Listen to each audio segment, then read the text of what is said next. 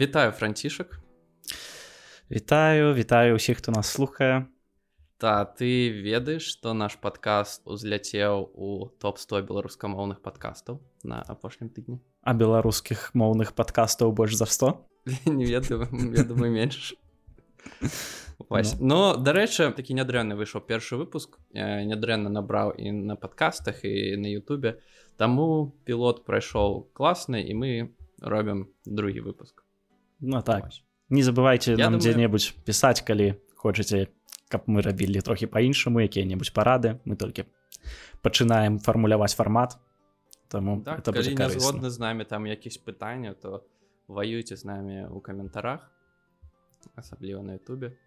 Так вось я просто гляжу на навіны якія мы з тобой адабралі то у нас на гэты раз большасць навінаў з Еўропы. Mm -hmm. Таму я думаю что мы пачнем з Амерыкі каб мы хуценька пройдзем гэта ўсё і павернемся да Еўропы ваш і першая навіна гэта інтэрв'ю Пуціну Пуціна такеру Карлсону. Ты яго глядзеў глядзеў глядзеў я глядзеў пасля гэта яшчэ інтэрв'ю такера карлсона на это на эту тэму і першае что тут можна сказаць что такер карлсон адназначна вырашаў унутраныя пытанні злучаных штатаў з дапамогай гэта інтэрв'ю. Ні для кого не сакрэт что такер карлсон прыхільнік хутчэй рэспубліканцаў чым дэмакратаў і у гэтых выбарах будзе падтрымліваць трампа. Можа быть он не будзе казаць об этом прям зусім адкрытую в адкрытую але тым не менш. І калі мы паглядзім на інтэрв'ю на тыя пытанні якія ён задаваў пуціну вельмі шмат было упора на тое что амерыканскае кіраўніцтва нібыта некампетэнтнае. І гэта тое на чым робяць упор зараз рэспубліканцы тому что байден ужо вельмі стары там з'явіліся рэпорты што ў яго там праблемы з памяццю. І адзін з наратываў якімі рэспублік якімі рэспубліканцы жадаюць выйграць это прэзідэнцкія выбары.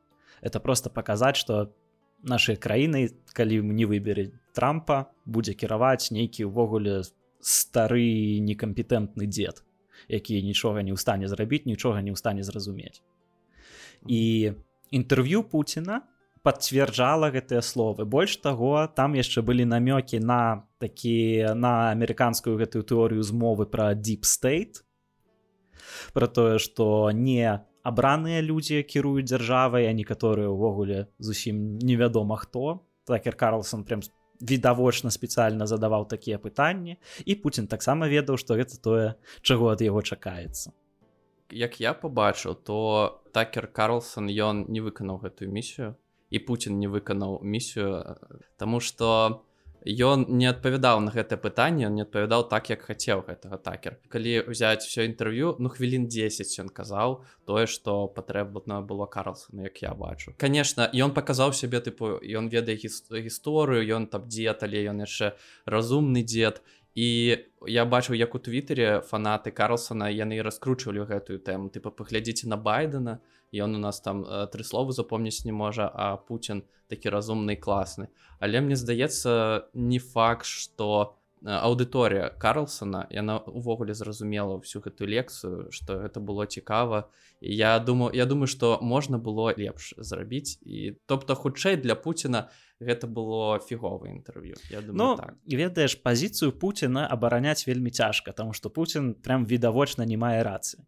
адзіны спосаб як ён это робіць гэта вось гэтымі вось апраўдваннямі псеўдагістарычнымі.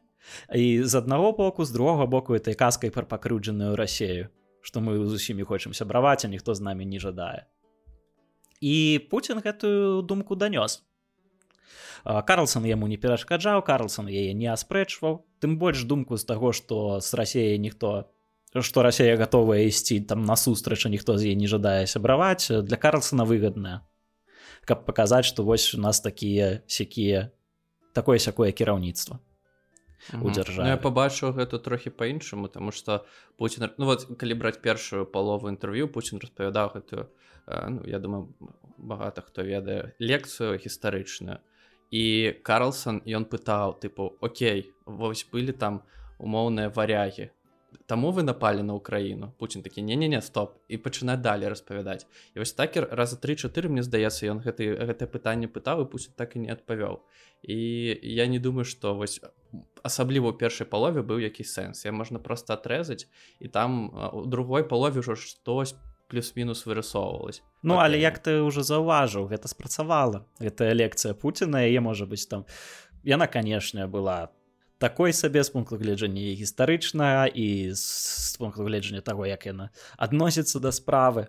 Але яна показала Пуціна для чалавека які там ні ў чым гэтым не разбіраецца як такога хаця больш-менш прадуманага прэзідэнта. І насамрэч мне здаецца у гэтым у гэтым праблема грамадства ну не толькі расейскага а у тым ліку мне здаецца і беларуска у тым ліку можа быць у нейкай ступені еўрапейская хаця ў нашмат меншай. У тым что трактоўка гісторыі нібыта нібыта ўплывае на тое якую палітыку мы павінны праводзіць.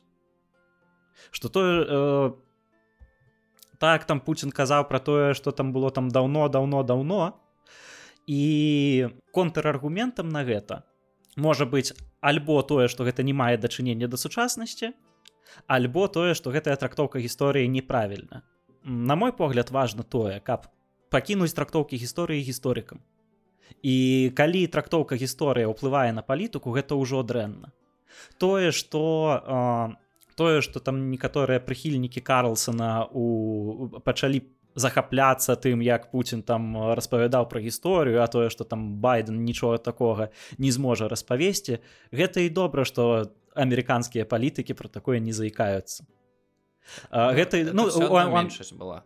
Ну тобто не, не так шмат таких пазітыўных каментароў я бачу только ад зусім адбітых чувакоў так ну тым не менш тым не менш. А, а я не думаю что у такера был э, была нейкая мэта альбо нават у Пуціна была нейкая мэта перахіліць на свой бок там большасць амерыканцаў альбо нават большасць рэспубліканцаў у такера была мэта паказаць некампетэнтнасць амерыканскага ўраду что ён э, больш-менш у яго атрымалася для той аўдыторыі на якую ён гэта накіроўваў у Пуціна была мэта паказаць што ён э, не настолькі даўбануты А ў інтэрв'ю калі ты не будзеш калі ты не ведаеш гістарычнага кантэксту калі ты не ведаеш калі ты ўвогуле слаба ведаеш тэму таго што адбываецца ў нашым рэгіёне то Пуін як бы не, не выглядаў вар'ятам прынамсі якім з'яўляецца. трэба конечно по гэтаму пытанню паразмаўляць з амерыканцамі. Просто я думаю что с кропкі зору амерыканцаў гістарычная тэма что калісьці гэта была частка там расійскай імперыі там Русі ці чагосьці іншага для іх это не мусіць захадзіць тому что яны таксама самі былі калісьці часткай э, брытанскай імперыі калоніямі брытанскай імперыі і ты кажаш амерыканцу вось вы былі часткай брытаніі таму все это гістарычная тэрыторыя брытаніі яны такі вышо на іх гэта не мусіць працаваць і мне здаецца і не спрацавала і таму адзіны аргумент для прыхільнікаў такера карлсона быў том что паглядзіце Путін хаця б можа прыгожа размаўляць. Тобто ніхто не казаў что ён кажа там слушныя якісь рэчы. Яны просто кажуць что ён умее ну, нормально размаўляць. Ну, тобто можа быць які якусь мінімальную планку Пуціны ўзяў гэтым інтэрв'ю там яны зрабілі што хацелі. Но реально мо можна было зрабіць нашмат больш. Я так бачу. У мяне сумнёвы что пазіцыю Пуціна можна ўвогуле абараняць лепш Таму что эта пазіцыя настолькі слабая. Таму что просто просто відавочна что Путін рацыі не мае і прыходзіцца вось такімі вось абходнымі шляхамі будаваць нейкую псеўдааргументацыю А можна было ну напрыклад калі взять вот сама ту аўдыторыю такера то яны все такія хрысціяне там кансерватары можна было за это і тапіць сказаць что я вось хрысціянскі лідер я там абараняю хрысціянства Еўропе тут у Еўропе е лесбіянкі а я за А я не упэўнены что это было б добра что это добра б зайшло Ну нават Трамп у сваіх выказваннях хаця ён там часто выказваецца і кантраверсыйна на это на гэтыя тэмы але а, тым не менш ён на сваёй папярэдняй прэзідэнцкай кампаніі ён там абяц што яму потым неаднаразова ўзгадывалі але ён там абяцаў што нашы там транс сябры не будуць там ніяк прыцесняныя і так далей адкрытую трансфобію адкрытую гамафобію на амерыканскія нават рэспубліканцы не ўспрым не ўспрынялі б добра. Ну аўдыторыя карлсона гэта не адзін в адзін аўдыторыя трампа не ну конечно думаю, конечно я думаю что і яго аўдыторыя гэта больш радыкальная чаму трампа. Але паглядзім я думаю что просто э, гэта тэма столькі часу не коштуе тому что яна забылася в інтэрнэце за дзень-два таму не ведаю ці ёсць сэнс далей мяркоўваць ну так ну ведаеш так падсумоўваючы мне здаецца што ёсць нейкая частка таких вось антыдзяржаўных радыкалаў якія можа дарэчы нават трохі заглядваюцца і ў бок лібертарыянства у пэўных пытаннях на якіх гэта спрацавала просто таму што гэта такі антиамерыканскі істэблішмент месседж.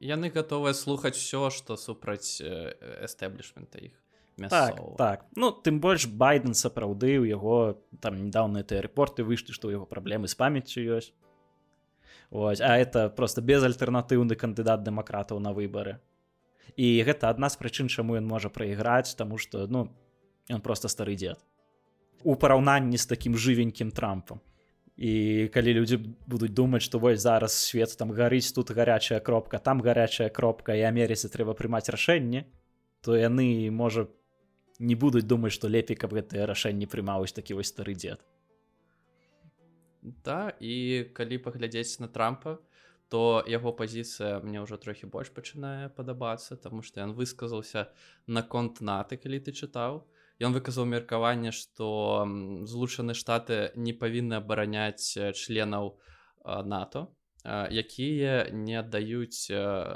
двасоткі свайго вуп тобто ну, тут, тут, тут насамрэч вялікая это у польльше зараз это просто выклікала вялікае бурленне не задаваль незадаволення польша дарэчы вытрачае нашмат больш чым двасоткі Таму што гэта пытанне таго, што наколькі наколькі Трамп увогуле гатовы наколькі Амерыка пры трампе будзе абараняць Еўропу ў цэлым наколькі Амерыка пры трампе лічыць што Еўропу трэба абараняць канешне з пункту гледжання трампа это хутчэй выказванне ў накірунку таго трацьце больш на абаронку так але ёсць вялікі страх что насамрэч ну фішка трампа шмат у чым хтосьці кажа что это будзе ягоным мінусам хтосьці кажа что это ягоным плюсам. Але ты не можаш вось загадзя сказаць а як ён сапраўды паступіць калі нападуць на краіну сябра ната якая траціла так мала на абаронку. Это невядома. Ну і гэта пытанне ці Еўропа не застаецца з голай ракай ці Еўропа сама зможа абараняцца ад рассеі калі рассея нападзе? Ці ці трамп сапраўды гатовы іх пракінуць у так у такіх сітуацыях? А можа гэта і сапраўды ён просто накіроўвае Еўропу як яна каб яна сама будавала сваю сістэму абароны. І каб калі што нават калі у не будзе штатаў побач то Еўропа могла бы сама абараняцца потому что калі палічыць умоўны вуп всей Европы і параўнаць з рассеяй а у Европы зараз вораг это толькі Росія такі вялікі то выглядае что даволі лёгка яны ты могуць і перамагчы але яны не вытрачаюць просто сколькі патрэбна на абаронку і мы бачым что ну я просто не вельмі разумею чаму менавіта Польша то перажывае тому что яны больш за трысоткі уже вытрачаюць э, на абаронку. Краіны балты таксама. А вось гэтыя самыя краіны Польша і краіны балты гэта першая э, першая у спіску небяспечных краін які можа напасці Росія Я думаю что трамп все-таки кажа давайте вы там э, будуйте сістэму абароны і тады і менш амерыканскіх ресурс ресурсаў можна накіроўваць Еўропу Таму что э, я думаю все ведаюць что у Еўропа можа быць і не прыярытэт для штатаў зараз у плане абароны тому што ёсць яшчэ тайвань на які таксама трэба выдзяляць ресурсы. Я спадзяюся гэта сыграе. І, і, і, і мне здаецца гэта і пачынае працаваць тому что Германія напрыклад нарошчвае яна абяцае зараз краіне дапамагаць. Францыя выдзяляе таксама мільярды долараў. Можа быць Еўропа і сама справіцца з рассеяй Ну тут пытанне ў тым что такое выказванне трампа кажа аб тым что як быццам бы трамп не ўспрымае ў сур'ёз дамоўленасці ўнутры нато. Унутры нато адназначна ёсць это пятый артыкул. І нато мае сэнс толькі тады калі ён існуе калі усе краіны гатовыя згодна з ім дзейнічаць. І вось трамп кажа ёсць пэўныя умовы пры которых я не гатовы і гэта подрывае гэта подрывае упэўненасцю на тэк такавым зараз ён кажа что это такія умовы потым ён можа сказаць что это іншыя умовы это кажуць про тое что трамп не ўспрымае гэта гэтую дамову як тое что там прям безумоўна абавязвае. А два сотка гэта ж таксама не з паталку ўзятыя лічбы. Гэта была дамоўленасць сярод краіната што яны мусяць просто гэта так. А, але там не было нічога такое что калі ты траціш менш то ўсе астатнія артыкулы не дзейнічаюць. Так что так ёсць аб чым непакоіцца Еўропе ў гэтым плане тому что сапраўды не ўсе краіны трацяць столькі. Сапраўды ніхто не ведае як насамрэч будзе дзейнічаць трамп у тых ці іншых умовах. Калі ён стане прэзідэнтам. Канешне гэта яшчэ выбары яшчэ не так скора. Ўсё можа змяніцца Ну але пакуль што ну я вельмі здзіўлюся калі байден выйграе і пойдзе на другі тэрмін. Да яшчэ дарэчы пра трампа э, мне яго я побачыў проста яго фразу што ён сказаў што байден можа здаць украіну. Тып ён такі слабы лідар што можа стаць украіны і для мяне гэта гучала як я прыйду я разрулю гэта пытанне Я думаю што хутчэй за ўсё нешта такое будзе. Ну Амерыка ў любым выпадку будзе дзейнічаць згодна не згодна з тым папулізмам які яны зараз ужываюць каб выбраць выйграць выбары? Так. А згодна з тым што яны лічаць стратэгічным інтарэсам Амерыкі? Выбары пройдуць і ўсё і ўсе гэтыя такеры карлсаны загаворыць могуць загаварыць зусім па-іншаму. Тады яны будуць глядзець прям незалежна ад ад, ад таго на, на кого там падзейнічала інтэрв'ю Пуціна на кого не падзейнічала незалежна ад таго што трамп там казаў ці не казаў наконт дапамогі тым ці іншым краінам у нато альбо навод наадварот захвочванне ён прямо сказаў што захвочвае будзе захвочваць рассею нападаць на тыя краіны якія там меншым двасоткі плацяць Амерыка будзе глядзець што для яе выгодна так і цяжка чакаць іншага не трэба чакаць іншага і тут ужо пытанне ў тым наколькі яны ацэньваюць шансы украіны ў перамо перамагчы рассею наколькі это наколькі з іх на пункту гледжання это магчыма наколькі это дасягальна наколькі это, у якой ступені это дасягальна напрыклад можа быть такое што яны будуць думаць что Окей вярнуцца да межаў аку расійскай акупацыі перад эскалацыяй вайны гэта рэальна а далей ужо нерэальна. Альбо вярнуць тэрыторыю краіны без крыма рэальна а крым ужо нерэальна. І сыходзяць з гэта будуць ставіць умовы для пастаўкі сваёй дапамогі Мачыма арганізоўваць нейкія перамовы. Не трэба выключаць варыянт што Амерыка не будзе лічыць што перамога Украіны цалкавітая поўная Мачыма і варта гэта ставіць як мэту Магчыма яны будуць заахвочваць да, камп... да пэўнага кампрамісу. Што канешне шкада калі так будзе. Вельмі хацелася б каб украіна перамагла поўнасцю.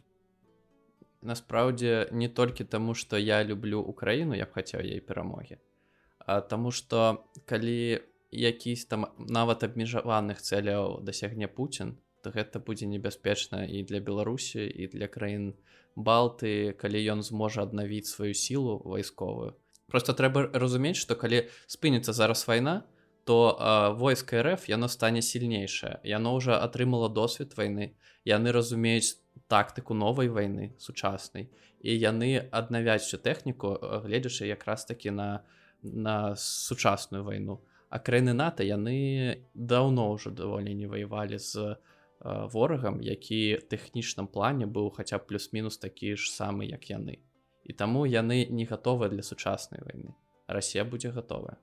Перамога Расія нават не поўная гэта будзе супер небяспечна для Еўропы. Ну так так.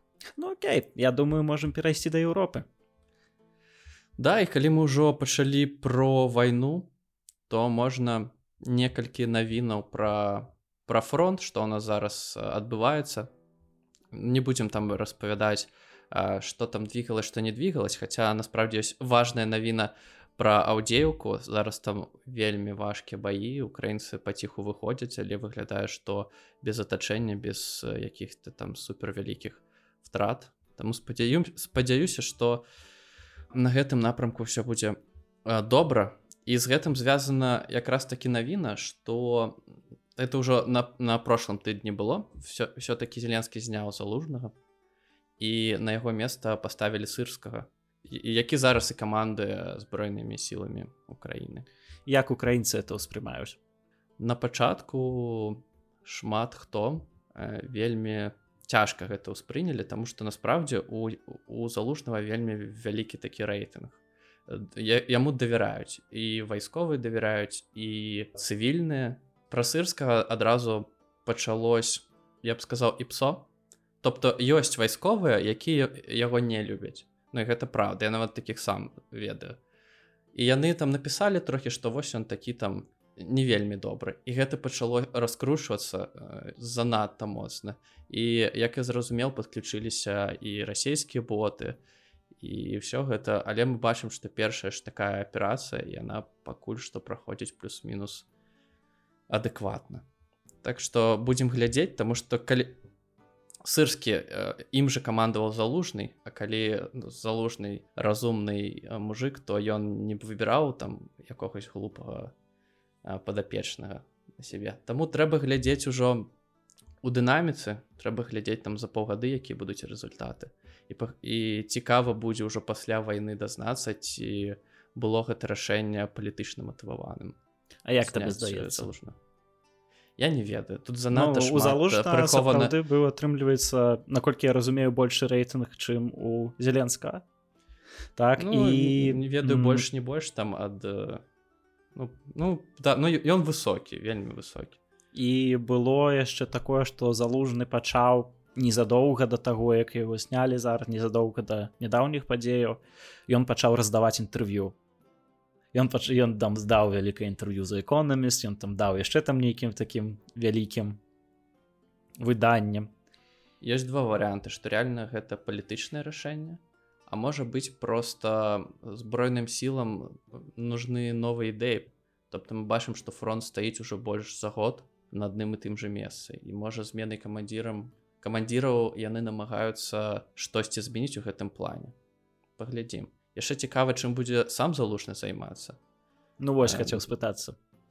вот ці ёсць цікава але пра гэта яшчэ ніякай інфы няма Таму што тэоріі яго можна было б адправіць у Еўропу дамаўляцца з іншымі с нато з еўразвязам і каб яны разам на якомусь рівні там планавалі пастаўкі і ўсё гэта тое што трэба. Таму што на сваёй пасадзе залужнай не тое каб мог гэта эфектыўна рабіць тому што ён усё ж таки камандаваў вайскамі тобто ён казаў мне трэба тое тое тое але гэта был ну такі э, верхаўзроўнены узроўневы план быў Вася зараз ён можа ну ён уже пабачыў як што адбываецца і ён можа дамаўляцца аб гэтым з Еўропай крацей будзем глядзець таму што тут пытанняў больш чым адказу ну, так а чаго людзі чакаюць чакаюць былі пабойванні што сырскі пачне закідваць пазіцыі расейцаў гарматным мясам пачалі раскручваць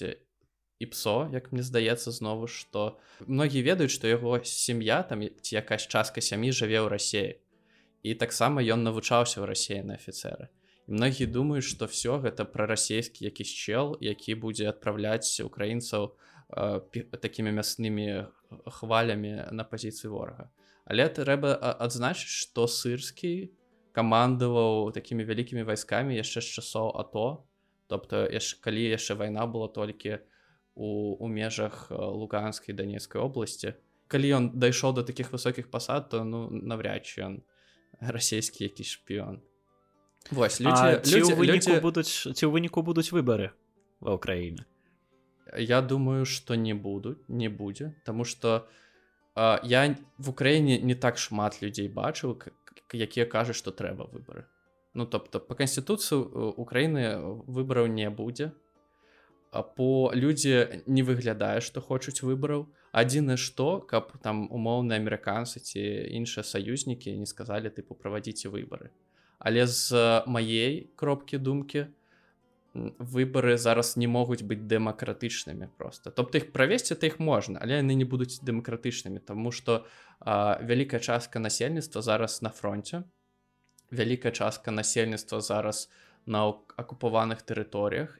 і небяспечна будзе просто яшчэ праводзіць гэты выбор і агітаваць нельга ну, тобто каб выборы былі дэмакратычнымі трэба каб была магчымасць агітаваць. Зараз гэта толькі ў інтэрнэце ну ясна ясна.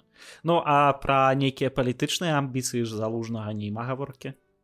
Не э, я колькі не глядзеў інтэрв'ю розных афіцэраў розных людзей якія з ім размаўляюць э, то ён заўсёды пра вайну пра войска про э, тое што ён хоча ну, быць афіцерам ну, такого высокого уровня прафесіялам гэтай менавіта справы. Але зараз ён звольніўся таму можа гэтай амбіцыі і з'явіцца але як я разумею яго рэйтинг будзе падаць тому что яго не будзе бачна ў навінах там і но ну ясно ясно. Вяртаемся больш на захад Еўропы дзе ў нас працягваюць пратэставаць трактарысты працягваюць пратэставаць фермеры. І яны любимая тэма і яны чагосьці дасягнули яны чагосьці дасягнули а менавіта ну і тут з лібертарыянскага пункту гледжання як бы ты чуеш першую палову навіны ты думаешь круто ты чуеш другую палову навіны ты думаешь что за херня. І а, менавіта яны пратэставалі супраць там абмежавальных мераў па ужыванні пестыцыдаў іхнай прадукцыі супраць рэгуляцыі ўжывання пестыцыдаў. І што ім адказаў брюссель? Ён адказаў ім добра мы не будзем зараз уводзіць гэтыя абмежаваныя гэтыя рэгуляцыі звязаныя з ужываннем пестыцыдаў. А замест гэтага мы зробім дадатковыя субсідыі для тых хто іх не ўжывае. Ну трактарысты па сутнасці давольныя у гэтым плане. Ну польскія трактарысты яшчэ бастуюць вось у чацвер бачыў як яны там ездзяць па вуліцах і ледзь ледзь ледзь перакатваючыся і за імі такая огромная огромная толпа машин. Да, бачу карцінку скінуў што яна азначае а ну карацей это, гэта, это ўжо просто параўнанне прям амаральна як по мне. Ну карацей по тут па-першае дарэчы мне здаецца не ўсе беларусы это ўсведамляюць стаўленне палякаў да э, украінскага нацыяналізму А давай давай спачатку что там на карцінке было написано. Я просто можа я а, перакласці так, добра та, та, та. так зараз трэба знайсці эту карцінку давай перекладай. Так вось я знайшоў 1943 год. Украінскае людабуйства на народзе польскім Ну это па сутнасці укра... украінскае людабойства палякаў да а ну, 2023 рэзня там так і... так.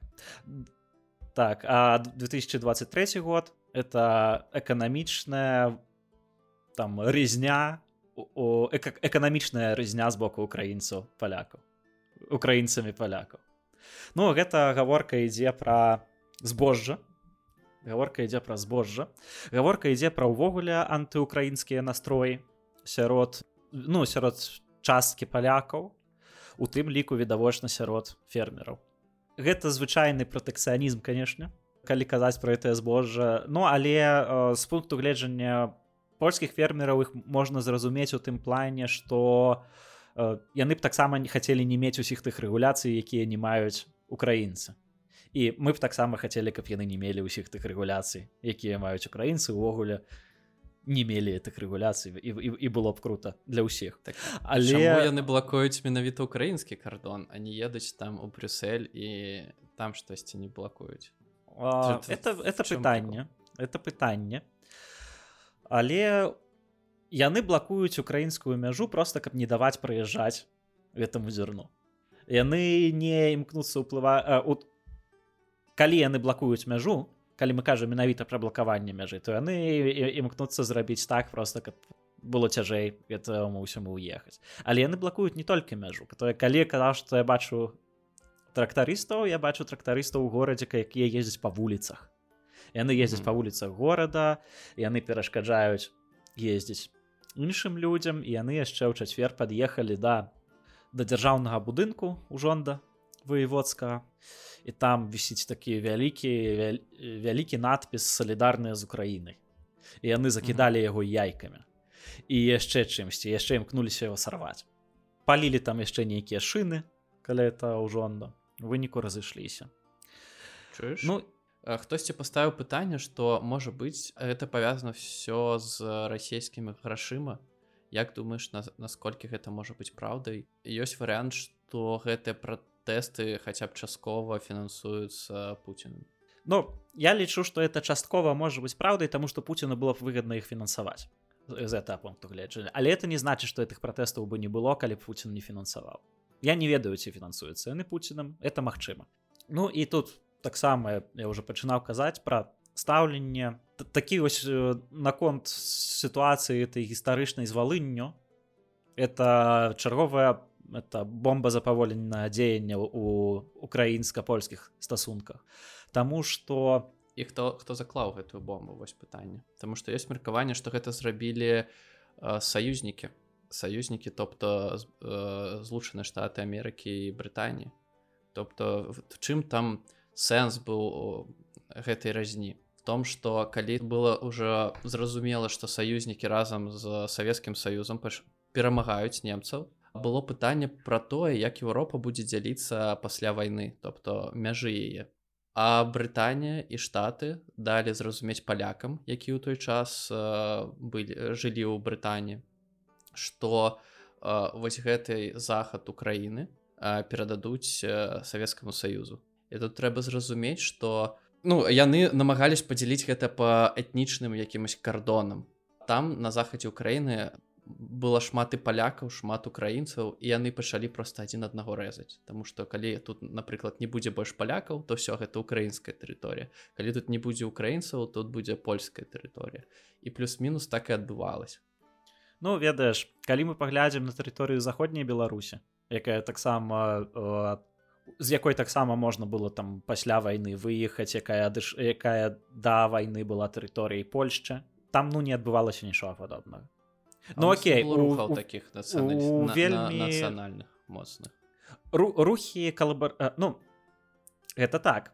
Калабарцыянісцкія рухі канешне былі але яны не тут яшчэ розніца ў тым што яны не з'яўляюцца для беларусаў тым ліку нацыянальна арыентаваных нейкімі героямі яны не з'яўляецца нейкай тое калі беларусы ўзгадваюць тое што калі беларусам прыгадваюць тое што калісьці там падчас нямецкай акупацыі некаторыя беларусы там з бел чырвона-белымі сцягамі хадзілі імкнуліся дамаўляцца з гітлерам то вельмі вельмі малая частка беларускіх нацыянальна арыентаваных людзей лічаць што гэтыя людзі былі малайцы. Большасць лічыць што так бы была такая дрэнная частка э, дрэнная старонка ў гісторыі беларускага нацыяналізму. На жаль такое сапраўды мела месца але гэта не вызначае то тое чым ёсць был чырвона-белы сцяг чым ёсць беларуская нацыянальная ідэя. Ну, у той час у той мала вельмі мала. У той час як ва у той час як у украінцаў ну дарэчы як украінцы ўвогуле ставяцца да тых падзеяў? Да чаго до э, рызні на так, так. Яны ставяцца э, як да траўрнай такой падзеі тобто іх траур гэты дзень то, ну, ну а як яны ставяцца да ролі украінскай паўстанцкай арміі украінскай арганізацыі украінскіх нацыяналістаў у гэтых падзеях ну тут цяжкае пытанне тому что гэта ўсё была такая структура складаная калі паглядзець. Тобто там разныя былі напрамкі назныя рухі і там калі кажаш что у бандера э, там сам рэзаў габрэяў палякаў на валыні то гэта неправда тому что не ну конечно сидел. Ну і ну але але я, але я... гэтым займалася арганізацыя якой ён быў дэ юра кіраўніком ну гэта, ну гэта правда. Я бачу пазіцыю гісторыка украінскіх э, я вот гляжу канал гісторыка э, украінска які распавядае про гэта ўсё спрачаецца там з расейцамі ён кажа что ну конечно гэта плохо ну тобто гэта фіковы учынак вельмі але сама сам рух ён нядрэнны. Ну тобто рух патрэбен але ну памылки такія былі. Вось я думаю пазіцыя ну, гэта просто такая. даволі як бы памылка это занадта слабое слово. Ну дадзеным ну, выпадку. я просто я, я не ведаю якое слово сказаць такое что больше не я разумею я разумею. А, просто як это я про сябе кажу калі я яшчэ ў беларусі быў калі я там ну яшчэ нават э, не апошнія часы калі я быў у беларусі а калі толькі там пачыналася штосьці э, майдан калі быў калі вайна першы этап толькі пачынаўся і расійская прапаганда ва ўсю ўжывала гэтую валынскую рызню і я тады думаў Окей расійскай прапагандзе я не веру хутчэй за ўсё там не ўсё не так адназначна хутчэй за ўсё там было по-рознаму ну і там сапраўды былі канешне нейкія дзеянні з польскага боку але ну зусім не параўнальна. Зараз калі я размаўляю з палякамі а асабліва вось я жыву ва ўроцлаве а ва ўроцлаве якраз вельмі шмат нашчадкаў перасяленцаў з валыні. І о, мне мае калегі па працы яны распавядалі гісторыі там сваіх бабуль як яны ад украінцаў хаваліся там у палях як там украінцы іх вынішчалі просто па-зверску яны казалі што гэта па аповедам іх сваякоў гэта было ну нашмат горш чым тое як немцы вынішчалі людзей. Украінцаў баяліся нашмат больш чым баяліся немцам і прычым нават за некалькі гадоў да да тых падзей як бы там жылі украінцы і палякі і яны больш-менш за адзін з адным нармальна суіснавалі.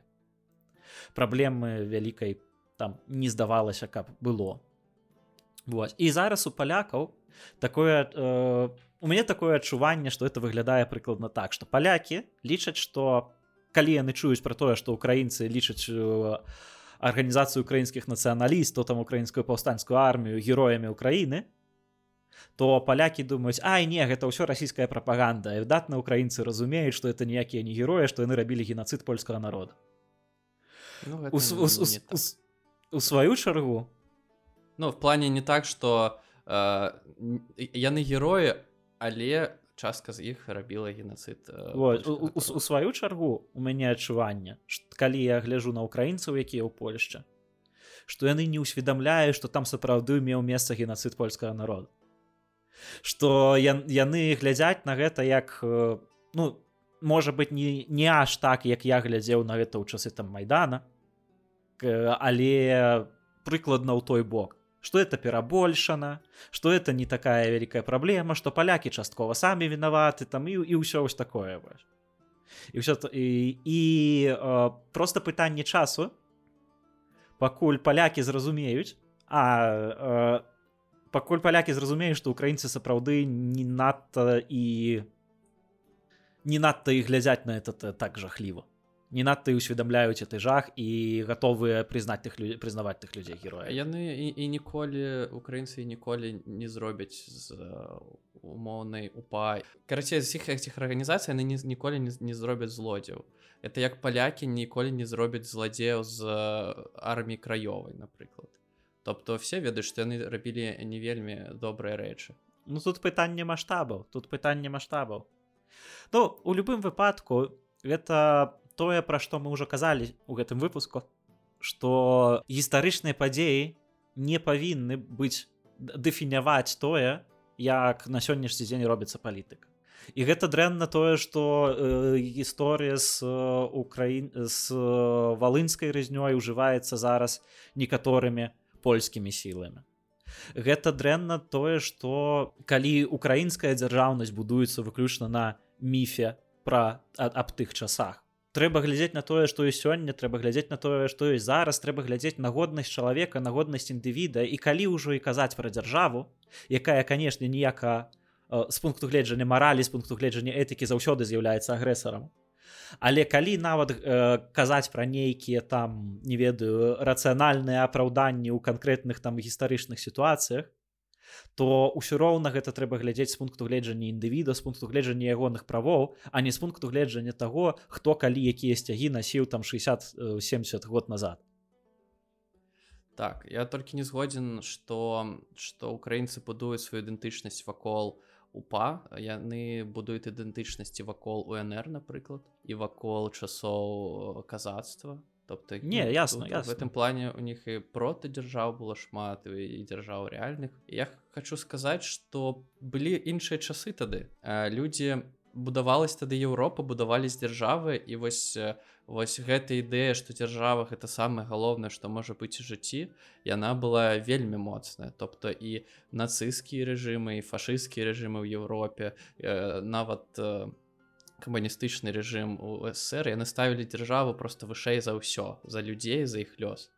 І таму в такія часы людзі адзін аднаго рэзалі Ну і так было плюс-мінус ва ўсіх краінах Еўропы акрамя краін саюзнікаў і гэта самая вялікая праблема. І на жаль гэты наратыў вяртаецца паціху патроху нават у дэмакратычных краінах конечно не ў такой ступені і мы спадзяемся что ніколі не будзе ў такой ступені як это было тады у двадцатым стагоддзя але я думаю але ўсё больш уже няма таких вялікіх ідзей тобто няма супрацьстаяння супрацьстаяння нацызму камунізма умоўно лібералізма зараз все ж таки кожны у кожны кожны абраў з рознага там якісь часцінак і такой магістральнай ідэі просто няма супрацьстаянне сацыялізму і капіталізму ўсё яшчэ існуе. І набірае абароты. Э, просто яны змянілі трохі свой накірунак дзейнасць але агульнае разуменне ведаеш калі чытаць напрыклад хаяка дарогу да прыгону то ён тады пісаў пра тое як это было у нацысцкай германії перад прыходам гітлера як это адбывалася там у іншых краінах Еўропы што а, ён піша што асноўная праблема была у тым што людзі ўвогуле не ставілі пад сумнёў што дзяржава павінна ва ўсё ўменшвацца і ўсё планаваць пытанне было толькі ў тым якім чынам умешвацца і ў які бок планаваць і зараз гэта адбываецца дакладна так жа ж у дэмакратычных краінах. Не ў такой ступені пакуль што спадзяемся што і не будзе ў такой ступені але тым не менш это может быть планаванне на карысць экалагічнай павесткі это можа быть планаванне на карысць роўнасці маёмаснай альбо на карысць павесткі там гендернай прадстаўніцтва там планаванне якое павінна быць прадстаўніцтва тых ці іншых гендараў у тых ці іншых сферах альбо які іх павінны быць заробкі. А з іншага боку ад кансерватараў таксама ідзе пытанне планавання адваротнага. Сучасныя кансерватары это не тэчары не рэйган. Сучасныя кансерватары ну паглядзім напрыклад на італію дзе кан у з кансерватыўнай павесткі ўвогуле знікла тэма капіталізму альбо з вольнага рынку. Хаця у той ці іншай ступені у кансерватараў яна прысутнічала даволі даўно Трамп зараз з эканамічнага пункту гледжання ў асноўным кажа пра пратэкцыянісцкія меры. У Польшчы мінулая кіруючая партыя адназначна кансерватыўная права і справядлівасць просто максімальна сацыялістычна. Вось бачыш бачыш бакі сталі бліжэй адзін да іншага тобто яны сталі бліжэй адзін да іншага але да, яны таму... сходзяцца ў тым наколькі яны павінны ўлазіць у жыццё індывіда так просто трохі зрошаны бакоў але э, няма настолькі жорсткіх рэжымаў як нацысцкі і камуністычны ну, у Еўропе тобто нават Расія калі параўнаць з раннім саўком то гэта ну, зусім не тое. Это выспас волі ну, не ну, калі параўнаць з ссср. Я про тое что няма просто мир не падзелен так на такія радыкальныя лагеры. Тобто ён плюс-мінус там там трохі больш эканамічнай волі там можна траву паліць напрыклад і просто рознай краіны гэта э, гэты спектр такі няма такого чорнага белага няма там залатога гэта так чырвона так. Але тым не менш э, як мне здаецца калі мы кажам там пра першую палавіну два стагоддзя дзе там былі і камуністычныя рэжымы паўставалі і нацысты і фашысты то у іх это адбывалася па-першае тыя самі ідэі сацыялістычныя тады былі больш радыкальныя якія больш ставілі на больш хуткія перамены. Зараз сучасныя сацыял-дэмакраты робяць гэтыя перамены паступова. Яны могуць прайсці перамены ў адзін бок потым адкаціцца ў іншы і гэтак далей. Але накірунак іх ідэй все роўна застаецца той ж я спадзяюся што это ніколі не давядзе да жудасных дыктатур і зараз не падобна каб яно давяло але гэты кірунак не можа не насцярожваць А можа зараз будзе такі разварот людзі побачаць што ж ну штось мы не ў ты бок ідзем як у Аргентыне той ж самый Я думаю мы сёння не будзем е вспоминаць але тобто мы бачым што ёсць якась попытка штосьці змяніць у зусім іншы бок у бок свабоды і можа Еўропу гэта чакае Магчыма Магчыма можа Беларусь пачне пачне гэты разварот мы будзем першай умоўна лібертарыянскай краінай. І дарэчы ты пачаў пра хайка ён жа не быў лібертарыянцам насправдзе я был таким класічным лібералам і ну, здаецца самвогуле гэтай... яго сацыял-дэмакратам называў. Ты як пераклаў дарога да рабства? Да, да прыгону да дарога да прыгону ён пісаў якраз пра часы вайны што гэта выключэнне. Тобто увесь час умоўна ваша дзяржава мусіць ісці даволі але час вайны гэта выключэнне калі на жаль трэба спыняць вот гэтыя рухі. І тут пытанне ну ён не быў лібертарыянцам чыстым. А вось калі ўзяць больш такіх класічных лібертарыянцаў як мы мусім глядзець на умоўныя падзеі ва ўкраіне тобто я думаю все бачаць што волі больш тут не стала Дарэчы калі ўзгадаць першыя дні вайны. Калі я правільна памятаю то было вельмі шмат паслаблення ў дзеяннях бізнесу. На самым пачатку яшчэ перад тым як Украіна пачала атрымліваць масава дапамогу з захаду. Гэта не я не думаю что гэта былі паслаблення думаю думаю просто ўсім было нецікава. Ну тобто было не да не там зак заканадаўчы там было такое ну ну я просто зараз не памятаю конкретно. Дарэчы можем можем паразмаўляць про это больш падрабязна на, на у нас на наступным выпуску калі паглядзім на канкрэтна якія там меры былі ў першыя часы ва ўкраіне але ў мяне было ўражанне что просто трэба было каб бізнес дзейнічаў трэба было каб бізнес дастаўляў ежу каб не было ніякіх перабояў каб ўсё гэта утрымалася. Таму што яшчэ тады был не было зразумела хто будзе даваць якую дапамогу хто будзе там mm -hmm. як рабіць.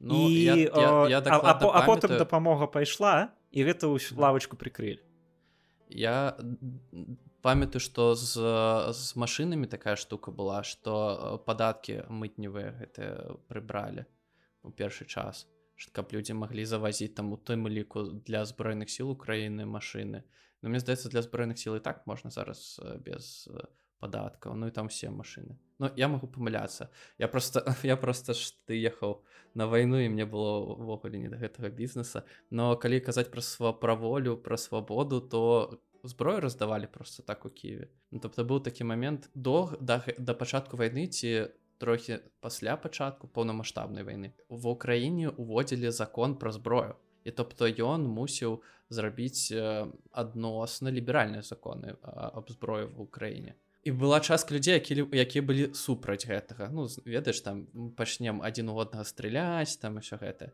Але тут пачалась вайна пачалі раздаваць зброю просто просто на там табе пулемёт табе там аўтамат без дакументу без все умоўны нават беларус мог падайсці взять калаж гэта і пайсці там ваяваць. І ніхто нікога не перастраляў. Зараз сотні тысяч людзей у лавах збройных сіл Украіны. Ну а там псіхалагічна там супер цяжка. Але яны не страляюць адзін у аднаго і тобто гэты тэйк што людзі пачнуць адзін уводнага страляць Я думаю што ён э, эмпірычна просто апрастованы зараз. Ну больш таго ну вось калі мы кажам про эту можна сказать лібералізацыю конечно не ва ўсіх пытаннях так?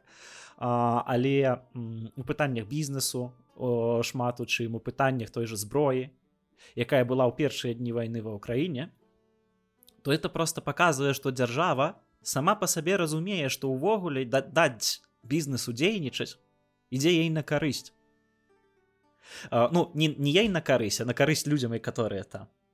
Але як толькі з'яўляецца магчымасць трохі гаечкі падкруціць напрыклад з-за таго што ўжо пайшла дапамога з захаду і так далей ўжо можна ў цэлым выжываць і абкрадаючы людзей то гэта ўсё вяртаецца.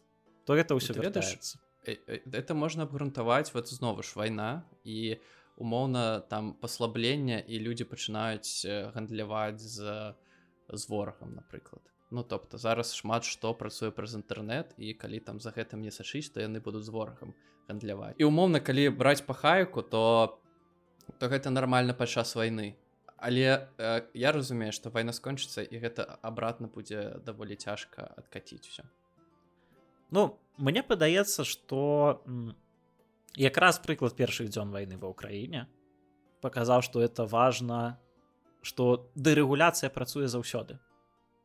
Дэрэгуляцыя дазваляе бізнесу дзейнічаць а бізнес дзейнічае якраз у тых накірунках які найбольш запатрабаваны бо менавіта ў запатрабаваных накірунках ён можа атрымаць прыбытак. Калі э, калі людзям трэба дастава дастаўляць ежу то з гэтым справіцца лепш за ўсё з гэтым справіцца якраз дэцэнтралізаваная сістэма бізнесу у параўнанні з цэнтралізаванай сістэмай дзяржаўнай. Мы бачылі прыклады ў гісторыі дзе дзяржава ну вось як часа часу кажуць што рынку лепш не займацца тымі рэчамі якія стратэгічна важныя якія важныя для выжывання людзей найбо якраз э, ежа харчавання гэта тое што найбольш важна для выжывання людзей. І ніводнай край ну амаль ніводнай краіне свету не імкнуцца гэта запэўніць там сама па сабе. Гэта э, людзі ходзяць у краму і купляюць у прадаўцоў у прыватнікаў. Але э, была гісторыя мы ба мы бачым у гісторыі прыклады калі дзяржава імкнулася цэнтралізавана кіраваць дастаўкай ежы і гэта прыводзіла да масавага голаду напрыклад у ссср. Так э, вось ты дарэчы правільна сказаў што дапамагалі ежа эфектыўна людзі самі. Першую чаргу таму што людзі былі гатовы адзін іншаму дапамагаць і з ворагам тым самым змагацца і тут пытанне не толькі ў ежы шмат дапамагалі фронту тобто і все і там э, все что трэба было для фронту можа у звычайных людзей то і не было там чагосьці на фронте заўсёды все было. І нават зброя зараз. Мы бачым что украінская дзяржава не можа выгатаўляць дастаткова зброю захад не дае дастаткова зброі каб ваяваць і украінцы самі донатамі збіраюць на fpv fpv гэтыя дроны яны самі іх э, робяць я просто знаю шмат чувакоў які просто дома там штось іх круціць замаўляюць з Китаі дэталі і робяць іх півідрон адпраўляюць на фронт.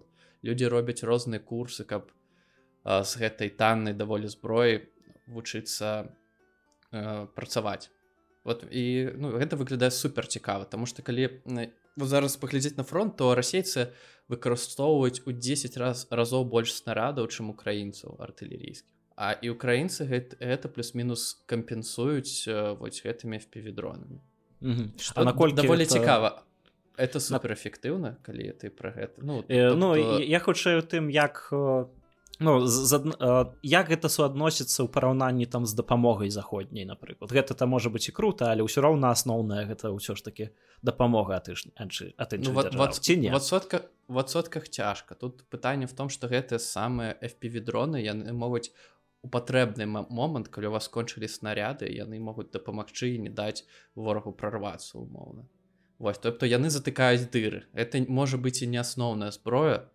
але калі снаряду ўвогуле няма то яна становіцца час ад часу асноўнай але вось тут знову пытанне пра дзяржаву ці можнае полностью прыбраць і мне вайна показала что не таму что напрыклад збройныя сілы ўсё ж таки цяжка арганізаваць Не ну каль, калі ты ні з таго ні з сяго пачынаеш арганізоўваць гэта табе ў бліжэйшыя там пару дзён трэба зарганізаваць цэлую фірму якая будзе такім займацца то зразумела ты это не зробіш.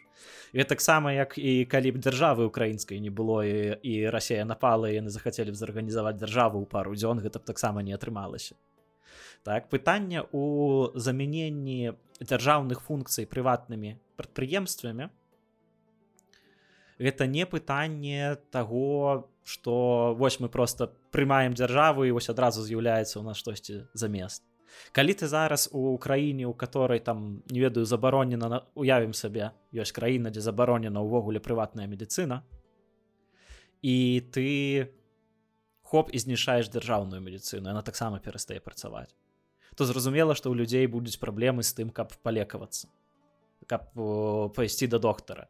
І гэта праблема з часам у выніку вырашыцца канешне але а, тое што яна не будзе вырашана на у сам момант э, вынішчэння дзяржаўнай медыцыны не з'яўляецца аргументам што прыватная медыцына не можа з гэтым справіцца Ну, я хутчэй не пра тое я разумею што умоўныя прыватныя сілы могуць быць у цэнтры Европы якось там бельхі напрыклад ізі там у штатах там у кожным штаце могуць свае прыватныя вайсковыя якісь рэчы быць але калі казаць про Беларусь літву Латвію краіну тобто калі мы побач з такой вялікай імперыі якой вельмі шмат ресурсаў. Ну я просто бачу чым плюс дзяржаўных вайсковых сілаў Таму что калі няма вайны то ніхто не будзе траціць на гэтыя сілы грошы. Ну тобто цяжка сказаць людзям навошта нам вытрачаць грошы на вайсковых калі вайны не мае А калі вайна пачынаецца то грошы вытрачаць уже позна ну нават у мірныя часы нават дзяржавы пачынаюць паціху э, змяншаць свае вытраты на на войска А калі людзям сказаць что вось давайте грошы а можете не даваць грошы на вайсковых то яны не будуць даваць Ну э, тут я с тобой не, не пагаджуся але тут спачатку трэба зразумець одну вельмі важную рэч.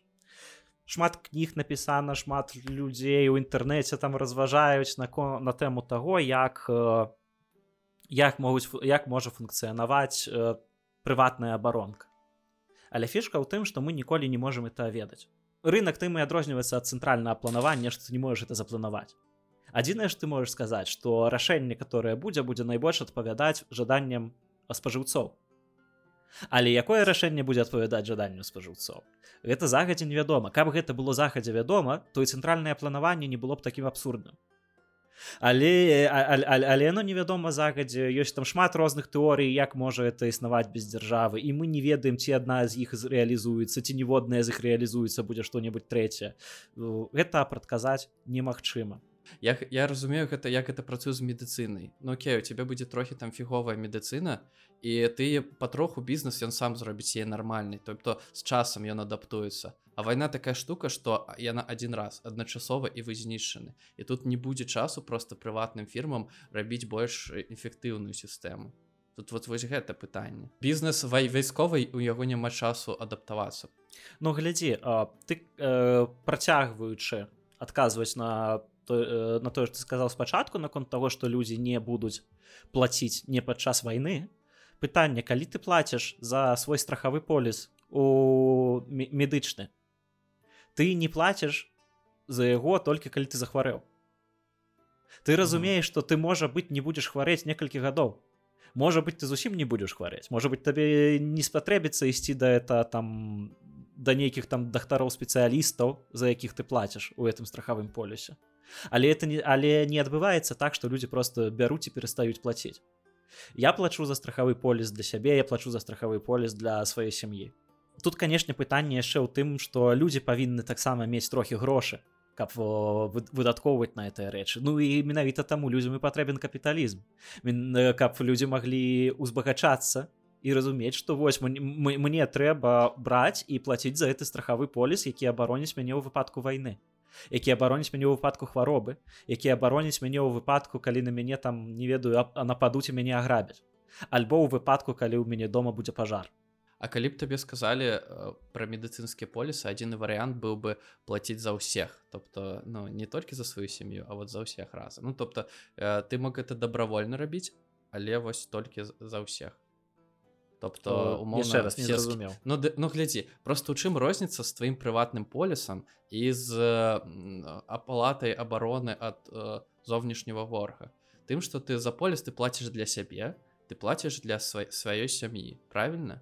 А калі вы плаціце за абарону краіны то ты не плаціш толькі за сябе вы плаціце все разам за ўсех разам тобто не абараняць толькі цябе абараняюць усех Ну увогуле гэта не толькі это не толькі пра абаронку так гэта так у тым ліку і пра там пажарку.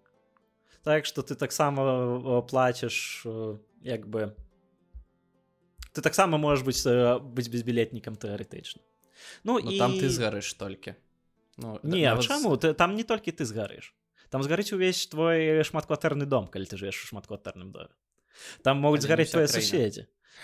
Так не ўся краіна але тут не пытанне тут тут пытанне можна сказаць прынцыповага эфекту а, а не нейкая канкрэтна. Ну насамрэч я не думаю что увогуле мае сэнс об этом разважаць. Таму что з майго пункту гледжання калі мы кажам про нейкую прыватызацыю пра нейкае лібертарыянства і пра бездзяржаўныя грамадствы я лічу што бездзяржаўныя што абсалютна усе функцыі дзяржавы могуць выконваць прыватныя прадпрыемствы. Гэта не значыць что так будзе. Людзі настолько вераць у дзяржаву што прасцей зрабіць так каб кожны беларус пачаў размаўляць па-кітайску а кожны кітаец пачаў размаўляць па-беларуску чым зрабіць каб рэальна рэалізаваць бездзяржаўнае грамадства. То бок тэарэтычна гэта магчыма зрабіць каб кожны беларус размаўляў па-кітайску.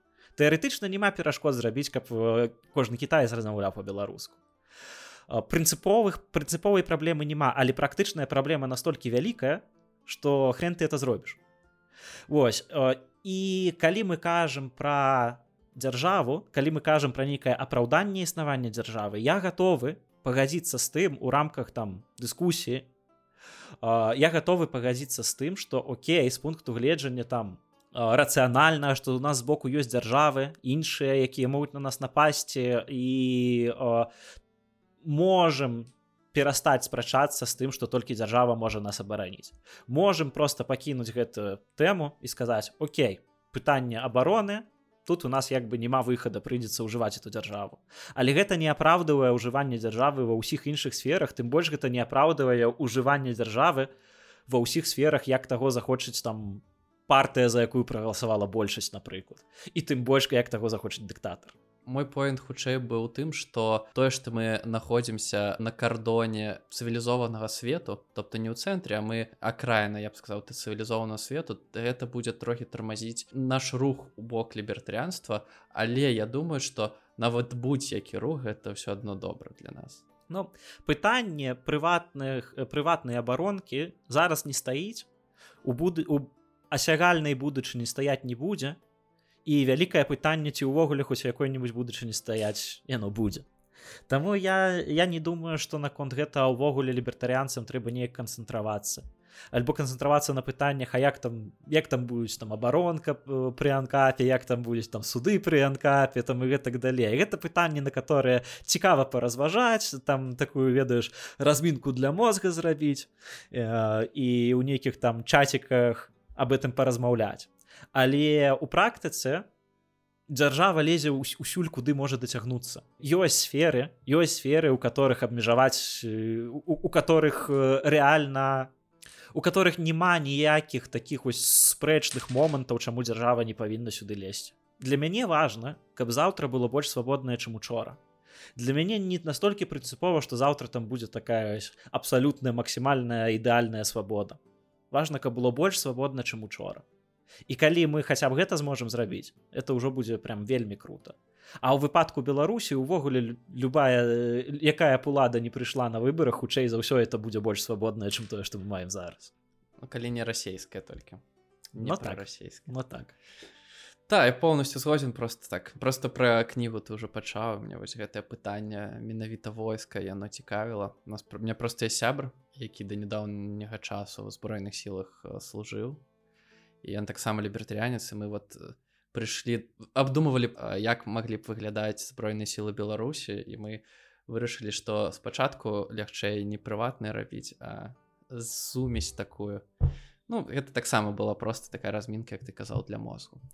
Так у нас яшчэ калі это ўсё по теме я думаю что мы уже занадта доўга так, згодзін так что у нас яшчэ ёсць ёсць э, трохі знову про вайну і я думаю войны войны нам ужо дастаткова нас про Беларусь ёсць тэма то Александр лукашенко дазволіў вайскоўцам прымяняць агнявую зброю і спецродкі супраць звычайных людзей а, Ну Вось, гэта ведаеш думаю... это то тое што было де-факто стала да юра скажем так. Та та я вот таксама ну, это пронеслась навіна папісалі людзі што ужас ужас ужас но адзінае чым фігова што э, мянтам будзе просто лягчэй маральна выкарыстоўваць зброю а так яны і так выкарыстоўвалі таму розніцы амаль няма ну, так яны могуць апраўдацца што вось мы маглі там штосьці зрабіць ну это так. Так яшчэ э, у нас была тэма про навельны а то то за, амаль забыл так да. На жаль э, расійскі рэжым Путін запіў навальнага. Можна по-рознаму ставіцца да гэтага чалавека але ўсё ж таки забіваць у турмах нікаго не можна. Так. дарэчы тут пытанне калі казаць пра срачы якія развіваюцца сярод беларусаў. Ці на твой погляд этычна беларусам ісці і на нейкія акцыі салідарнасці на нейкія акцыі памяці ушанавання памяці навальнага улічваючы тое што ў навальнага ну былі скажем так шавіністычныя выказванні ў бок беларусі? Э, я думаю так э, не зарадзі рассея не зарадзі навальнага а зарадзі таго што просто ў свеце гэта не адбывалася і пра гэта і пісаць і і, і, і таксама гэта ўсё можна павярнуць у бок таго што паглядзіце якая Росія паганая я просто сам не адчуваю нічога по гэтаму поводу тому что ну вакол там сотні тысяч паміраюць у меня мне сэрца ўжо не баліць за гэта але калі люди хочуць чаму ну я, я бы не ставіў ну калі беларусы там з бчб пашлі на акцыі у падтрымку навальнага я ну я б нічога ім не казаў ідзіце ваше право нічога супер добрага ці суперпагана ў гэтым няма вось мне больш цікавае пытанне про украінцаў Таму што э, яны больш агрэсіўна ставяцца да фігуры навальнага у тым ліку. Я ўжо бачыў, як яны прыносілі бутэрброды на мемарыялы з навальным. Ну і таксама хто я такі, чтоб асуджаць, што яны робяць. Это іх права яны могуць яго не любіць. І так так як і рускія ну мневогуле на гэта гэта было такая рэакцыя ну спакойна спачатку паганая у нас таксама шмат людзей сядзяць у турмах а потым расійскія лібертарыанцы з большасці пачалі і ўкраіну прыплютаць Я думаю ну гэта ж відавочна што віновны ў гэтым рассея а яны ўжо начинаюць там чуть ли не ва украінцаў пліваць нават светаў напісаў што апошняга адэкватнага кандыдату прэзідэнты забілі таму украіну ў два разы хутчэй будуць заліваць. Ну захад тыпу тому что няма альтэрнатыву ты вы пуціну. Я думаю ну ну вы что у вас э, ваш лідар памёр а вы такую чухню пішаце э, каб просто не веду пакрыўдзіць украінцаў? Ну навошта это рабіць? Карацей ну, самі з пункту гледжання увогуле забойства навальнага і як это ўплывае на на тое што адбываецца ў рассіі як ты дарэчы лічыш чаму зараз? Я думаю что ён яго можа быць і не забілі так не, не было прыказу забіць яго. Яму просто зрабілі такія умовы як у беларускіх турмах ведаеш? У нас же людзі паміраюць у беларускіх турмах но гэта не значыць что там быў наказ прямы тыпу забейце яго. Не просто там такія умовы что э, людзі нават с моцным здароўем яны там паміраюць. І ён пісаў что яго там в шизо ён просто месяцамі сидзеў а яшчэ трэба ўлічваць что до гэтага яго э, атруілі то баявым баявымі рэчамі рэчывамі. Таму ну я не здзіўлены што ён мог і просто реально стаць там тром подваліўся ён памёр. Гэта магло быць. То бок ты не дапускаеш варыянту што яго забілі. У рассіі зараз невыгадна было яго забіваць на твой погляд? Я думаю что Росія плюс-мінус пофіг Ну тыпу А што што гэта змяняе Ну тыпу такую картыну вялікую яна такая ж самая застаецца ну, на жаль нам... калі Путін калі навальны прасядзеў уже тры гады ў турме то ён ні на што не ўплывае як і умоўны бабарыка які зараз сядзе у турме ён уже ні на што не ўплывае на жаль гэта прав навальны ні на што не ўплываў гэта так. Але а, у чым фішка фігуры навальнага? У тым что по-мойму ніводзін прадстаўнік пазасістэмнай пазіцыі расійскай не ставіўся да яго дрэнна ну что ён был аб'яднаючай такой фігурай так что э, ось ты сказаў про выказванне светава я не думаў у гэты бок з пункту гледжання Украіны але я думаю з пункту гледжання расійская пазіцыя расійскіх людзей якія незадаволеныя вайной якія хацелі б змену і сапраўды калі б уявім сабе нейкім там цудам так здараецца что Путін перастае быць кіраўніком рассеі прычым не проста перастае а у дэмакратычных сілаў ёсць там магчымасць зрабіць выбары. Так. Ну не было б пытанняў хто бы стаў бы прэзідэнт так?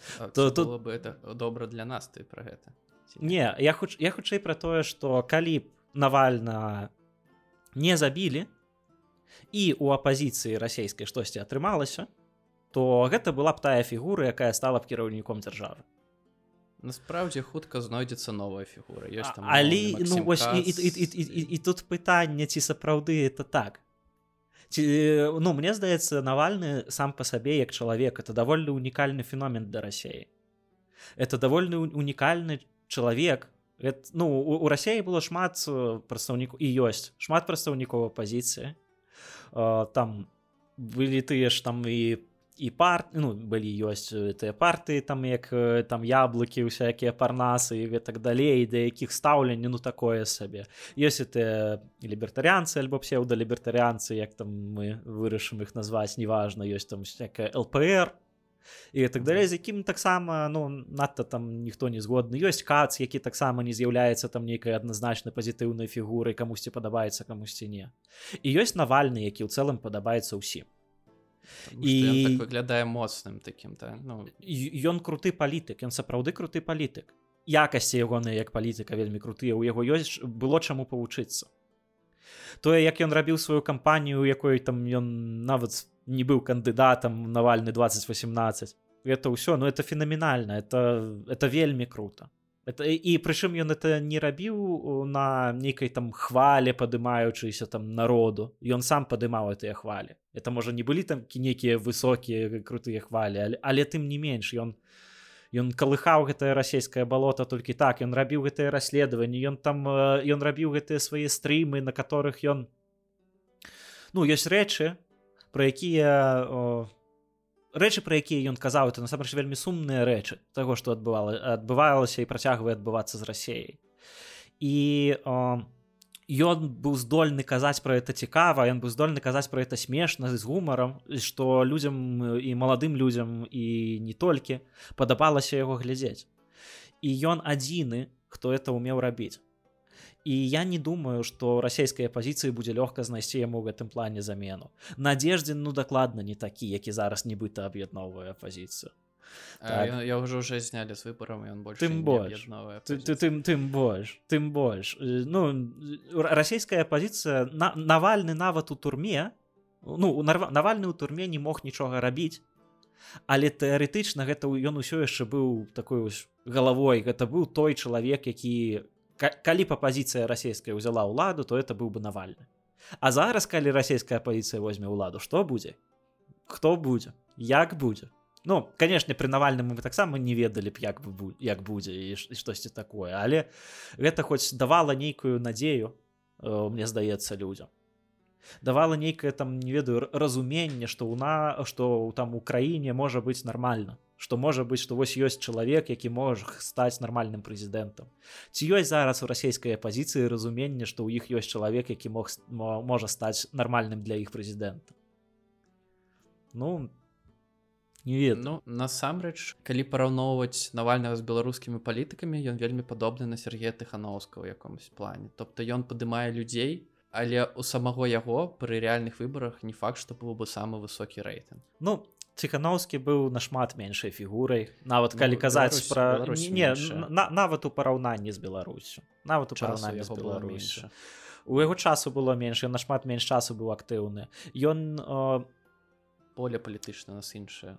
Так так так так. Ну але ён ён не быў ён бы не стаў такой фігурай як навальны Ён не быў і не стаў бы менавіт у навальнага ёсць такая ведаеш была. Была такая умелка менавіта ў палітыку менавіта у такую вось рыторыку паказванне у прэзентаванне сябе яко ціхановскі ў гэтым плане больш такі як чалавек з народа так.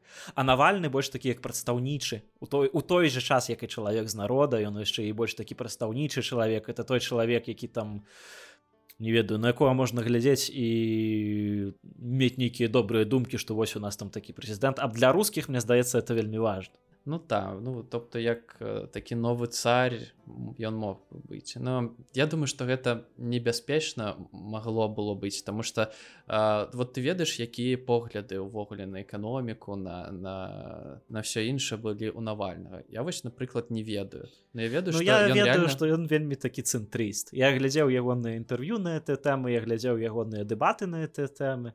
Ён да ён, ён такі вельмі вельмі цэнтрысткі ён за ўсё добрае супраць усяго дрэнна пры гэтым у яго ёсць канкрэтыка і гэта кантрыкагэтыка таксама вельмі цэнтрысцкая ён там у, у сваім там на выбары 2018 года публікаваў праграму якія былі у якой былі і добрыя рэчы і дрэнныя рэчы там рознае там было. Светаў тады вельмі з ім спрачаўся таму што там у навальнага было там асабліва я памятаю тады шмат было гаворкі пра эканамічную частку пра мінімальны заробак. І такія рэчы это, была б такая дэм, это такая дэмакратычная цэнтрыйская праграма так ну і вось поэтому я думаю что ён быў класным таким таранам які бы прабіў гэтую моўную дыктатуру зрабіў першыя нармальныя выбары і галоўныя парламенцкія выбары нармальныя і там бы уже людзі пачалі абіраць ужо там што яны думаюць пра эканоміку што яны думаюць там якія яны партыі любяць левыя правы і все гэта ну тобто ён бы мог реально аб'яднаць зрабіць там умоўную расійскую салідарнасць Вось так это вельмі аб'яднаўчая фігура навальны быў зараз ну я мне реально цяжка ўявіць сабе што ў рассіі з'явіцца хто-небудзь нават хаця прыблізна падобны Ну, нам таксама было цяжка ўявіць у двадцатым годзе што ў нас з'явіцца такая хваля апазіцыйная што у нас з'явіцца лідары і хтосьці аб'яднаецца вакол дома хозяйкі і яна будзе галоўным прэтэдэнтам на прэзідэнцкі Ну давай так шчыра вакол ціханаўскай ніхто б не стаў аб'ядноўвацца калі б не снялі бабарыку з савкала Ну та ясна ясна Ну мы ж таксама не думаем што навальнаму просто сказалі ладно все выбары просто рабіць і ўсё таксама гэта была б якась барьба барацьба ну, так. Э, калі больш няма то я хуцень Ну я бы хацеў бы можа быть узгадаць это яшчэ у мінулы раз мы хацелі узгадаць про тое что там у этой паўночнай Ірланды паўночнай Ірланды у першыню за ўвесь час э, кіраўніком ураду стала прадстаўніца сінфэн гэта палітычнае крыло ірландскай рэспубліканскай арміі. Ці што гэта азначае для паўночнай ірланды ну это это это пытанне якое якое там якая там будзе будучыня. І ці будзе это калі нават там будзе гаворка пра нейкае аддзяленне ад UK што таксама пытанне ці будзе ўвогуле такая гаворка але калі яна будзе калі яна будзе калі это раптам адбудзецца то пытанне ці это будзе для іх лепш ці не будзе. Тут о, варта разумець дзве рэчы. Першае что іра за сваё існаванне ну амаль ад пачатку вельмі слявела яе ўжывалі сацыялісты для сваіх мэтаў. І яна працягвае заставацца ў той ці іншай ступені сацыялістычнай. І таму тое што яны зараз кіруюць паўночнай ірландыі можа быць для іх не надта добра. З іншага боку тое чаму яны могуць хацець аддзяліцца это пытанне еўразвязу. Пытанне брэксіту і у шотландцаў таксама такое пытанне што яны можа бы хацелі заставацца ў развязе Мачыма у ірландцаў штосьці падобнае што яны можа і хацелі б заставацца ў развязе брэксит это была у пэўнай ступені магчымасць для брытаніі якая аказалася абсалютна прафуканая нічога з яго добрага для брытаніі не выйшла толькі праблемы яны выйшлі на такіх умовах у якіх яны ну не выйгралі нічога яны з аднаго канешне яны зараз з'яўляюцца у іх няма залежнасці ад еўрабюракраты але ў іх прям вялікія праблемы з эканамічнай інтэграцыяй з Еўропай у іх праблемы з працоўнай сілай якая ў іх шмат у чым складалася таксама з еўрапейцаў тым ліку шмат у чым з палякаў напрыклад і зараз бюрократычна это вельмі ускладняецца для іх эканамічна для іх брэксит стаў праблемай